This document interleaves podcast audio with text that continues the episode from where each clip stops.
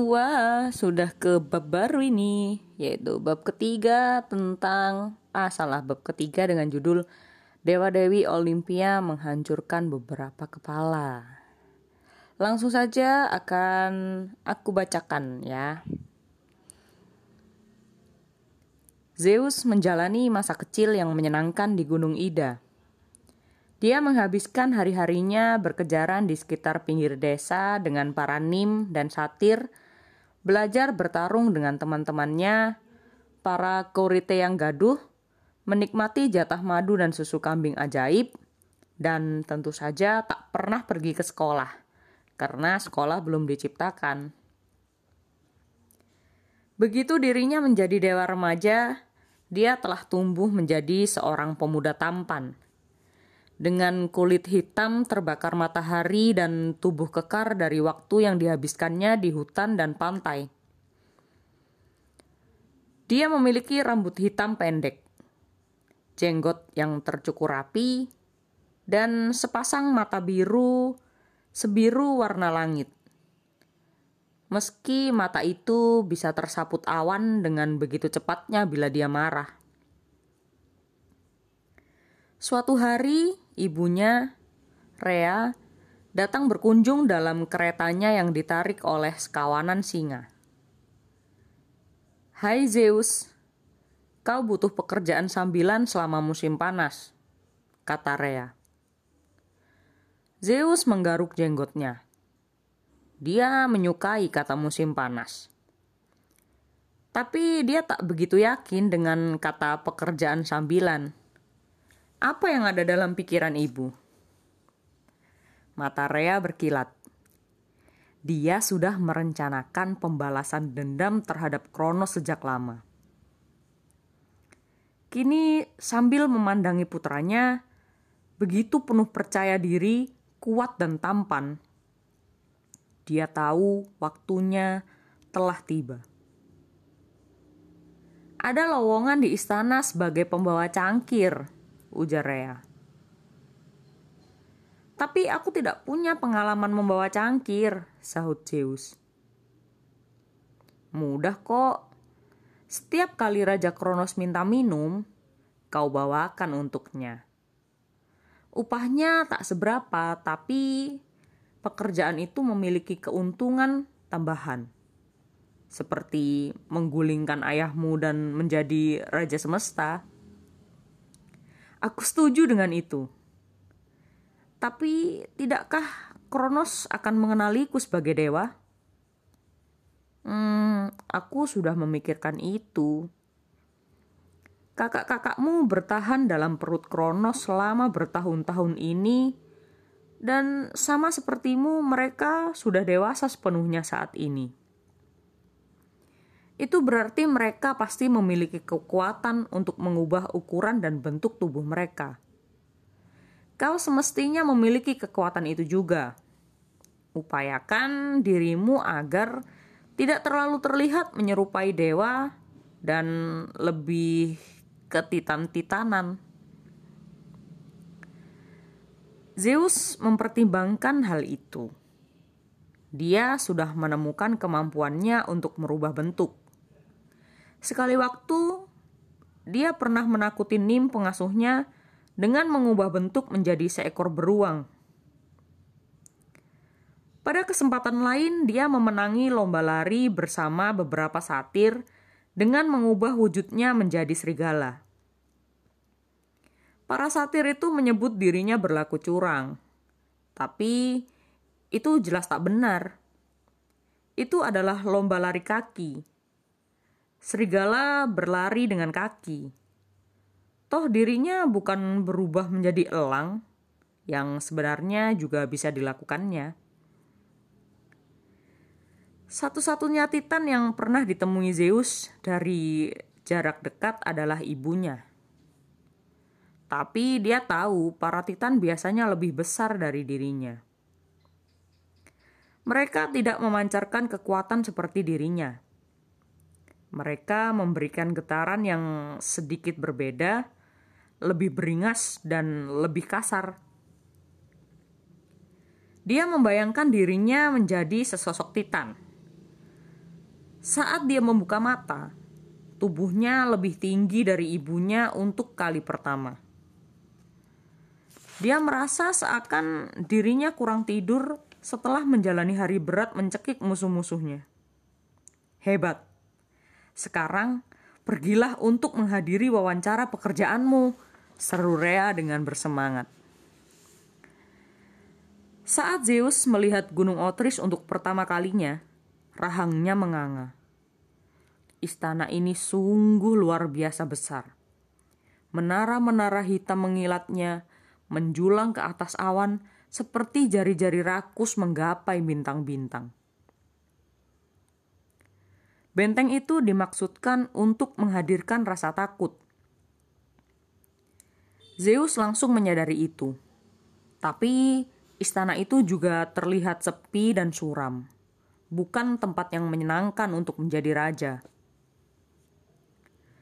Zeus memutuskan bahwa jika suatu hari nanti dia mendapatkan tahtanya sendiri, istananya akan tampak jauh lebih keren dibanding Otris. Dia tak akan berusaha menampilkan kesan raja kegelapan. Istananya akan putih terang dan menyilaukan. Satu demi satu dulu, dia memberitahu dirinya sendiri. Aku harus membawa cangkir terlebih dahulu. Rea memandu putranya menuju aula kerajaan, tempat si raja tua kanibal tengah terlelap di singgasananya. Tahun-tahun yang berlalu tidak bersikap baik kepada Kronos. Yang sungguh ironis, mengingat dirinya adalah penguasa waktu. Dia tidak menua, tapi terlihat letih dan loyo membuat bentuk kehidupan fana mengering dan mati tak lagi menghiburnya. Menginjak manusia tidak lagi mampu membuatnya tertawa seperti dulu. Meski ada jeritan kecil mereka yang lucu. Berat badannya bertambah dari terlalu banyak makan dan minum tentu saja. Kelima dewa di dalam perutnya tidak membantu. Mereka semakin besar dan semakin berat selama bertahun-tahun yang berlalu. Mereka terus-terusan berusaha membebaskan diri dengan memanjati tenggorokan Kronos. Tentu saja upaya mereka tak berhasil, tapi mereka memberi Kronos muntahan cairan lambung yang sangat mengganggu. Rea mendekati singgasana. Tuanku, ada tamu yang kuingin agar kau temui. Kronos mendengus dan membuka matanya. Aku tidak tidur. Dia mengerjapkan mata melihat Titan muda ganteng yang berdiri di hadapannya. Siapa? Pemuda abadi itu membungkuk rendah. Aku adalah Zeus, tuanku. Zeus telah memutuskan untuk menggunakan nama sebenarnya karena kenapa tidak? Toh Kronos tak pernah mendengarnya. Aku ingin menjadi pembawa cangkirmu, tuanku. Kronos mengamati wajah pendatang baru ini.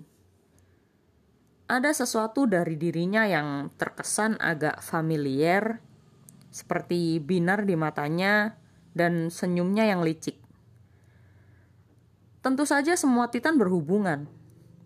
Mungkin itu sebabnya Kronos memiliki begitu banyak keponakan belakangan ini. Sampai-sampai dia tak bisa mengingat mereka semua. Kendati begitu, dia menemukan pemuda satu ini meresahkan.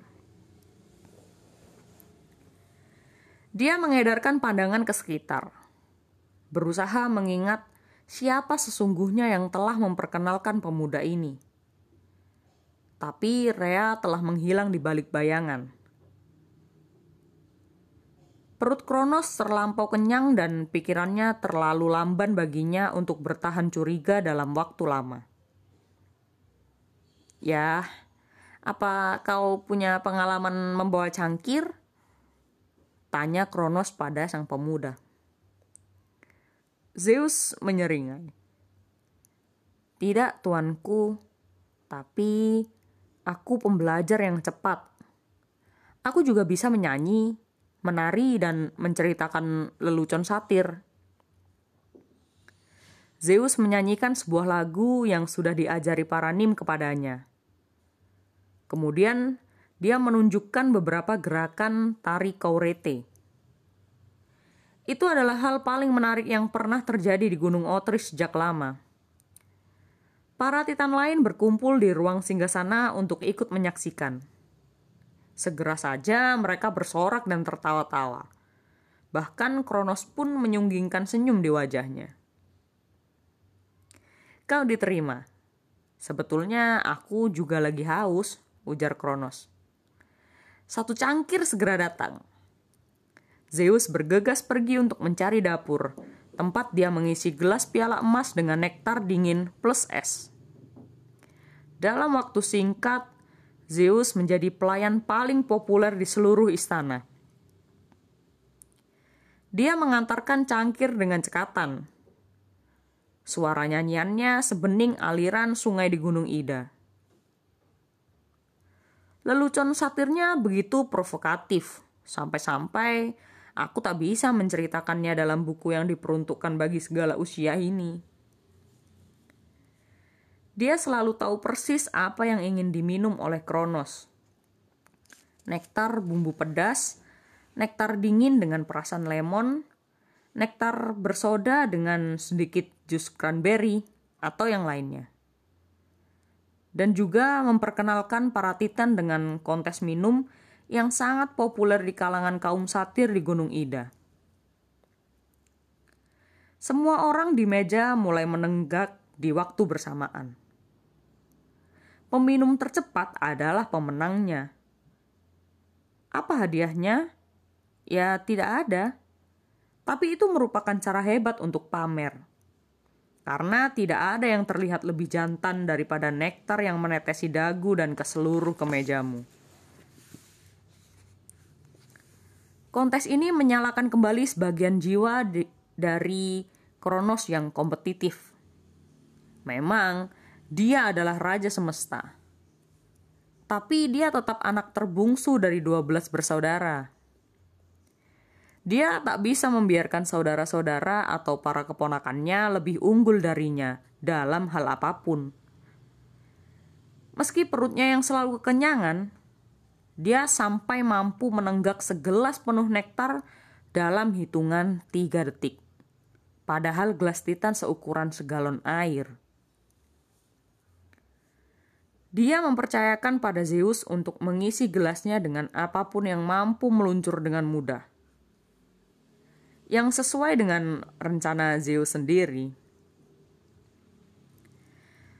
Pada suatu malam saat Kronos sedang menikmati makan malam bersama para letnan favoritnya, Zeus mencampur ramuan istimewa untuk kontes minum. Para nim di Gunung Ida telah mengajarinya banyak hal tentang berbagai jenis tanaman. Dia tahu tanaman mana yang bisa membuatmu mengantuk, yang mana yang akan membuatmu pusing, dan yang mana yang akan membuatmu begitu mualnya sampai-sampai isi perutmu ingin keluar semua. Bagi para tamu raja, Zeus meramu nektar selamat bobo ekstra lelap. Bagi Kronos, dia meramu campuran istimewa nektar dengan mustard Beberapa versi kisah ini menyebutkan Zeus menggunakan anggur, tapi itu tak mungkin benar karena anggur belum diciptakan. Ya, kita akan bahas itu nanti. Ngomong-ngomong, cairan di gelas piala Kronos betul-betul menjijikkan. Zeus mengesampingkannya sejenak dan menanti tibanya saat yang tepat. Makan malam dimulai seperti biasa dengan banyak minum, makan, dan saling bertukar kabar terkini Titan. Zeus terus mengedarkan nektar. Dia menghibur para tamu dengan lelucon dan nyanyiannya. Dan di penghujung malam, saat semua merasa puas, santai, dan mengantuk, Zeus mulai mengumbar tentang kemampuan minum sang raja. Kronos adalah bosnya minum. Zeus mengatakan. Kalian mesti melihatnya. Pria itu sungguh hebat. Rekornya adalah berapa tuh? Tiga detik? Uh, timpal Kronos. Perutnya sudah penuh dan dirinya berharap untuk menghindari kontes minum. Kalau dia mau, dia bisa minum lebih cepat daripada kalian semua. Aku berani bertaruh, dia akan mencetak rekor dunia baru malam ini. Tidakkah kalian akan senang melihat itu? Ucap Zeus. Atlas, Hyperion, Koios, dan yang lain bersorak dan meminta diadakannya kontes. Kronos benar-benar tak berselera, tapi dia tak sanggup menolak kehormatannya sebagai penenggak super sedang dipertaruhkan. Dia memberi isyarat pada Zeus untuk menggelar ronde baru. Zeus berlari ke dapur dan mengambilkan ramuan istimewanya. Dia menawarkan pada para tamu nektar selamat boboknya.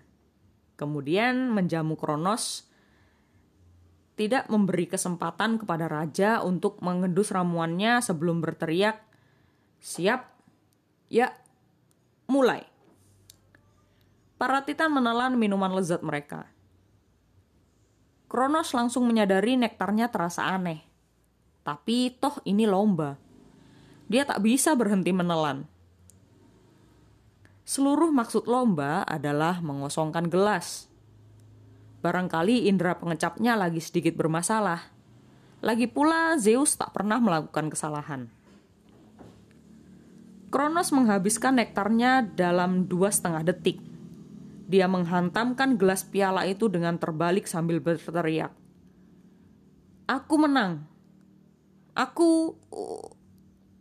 Bunyi berikut yang keluar dari mulutnya seperti seekor anjing laut yang menerima manuver Hamilton. Tak ada cara yang sopan untuk mengatakannya. Um, ya, Kronos muntah. Dia memuntahkan muntahan selayaknya seorang penguasa semesta. Itu adalah muntahan raja. Perutnya berusaha terlontar keluar sendiri dari kerongkongannya. Mulutnya membuka lebar dengan sendirinya dan menggelontorkan kelima dewa sebongkah batu penuh lendir, dan banyak sekali tumpahan nektar. Kelima dewa yang dimuntahkan itu segera bertumbuh ke ukuran dewasa, penuh tepat di atas meja makan. Para tamu Titan memandang takjub. Pikiran mereka bekerja dengan pelat dengan pelan akibat nektar yang diracun. Sementara Krono sendiri masih berusaha mencurahkan isi perutnya ke seberang ruang singgasana. Tangkap mereka! Dia berseru di tengah muntah. Atlas yang pertama bereaksi. Dia berteriak, "Pengawal!" Dan berusaha berdiri, tapi saking puyengnya dia langsung terjatuh tepat ke pangkuan Hyperion. Zeus ingin menerjang untuk merenggut sabit ayahnya. Dia ingin memotong kanibal tua itu langsung di tempat. Tapi para titan lain mulai tersadarkan dari syok. Gerak mereka mungkin lamban dan mengantuk. Tapi mereka punya senjata.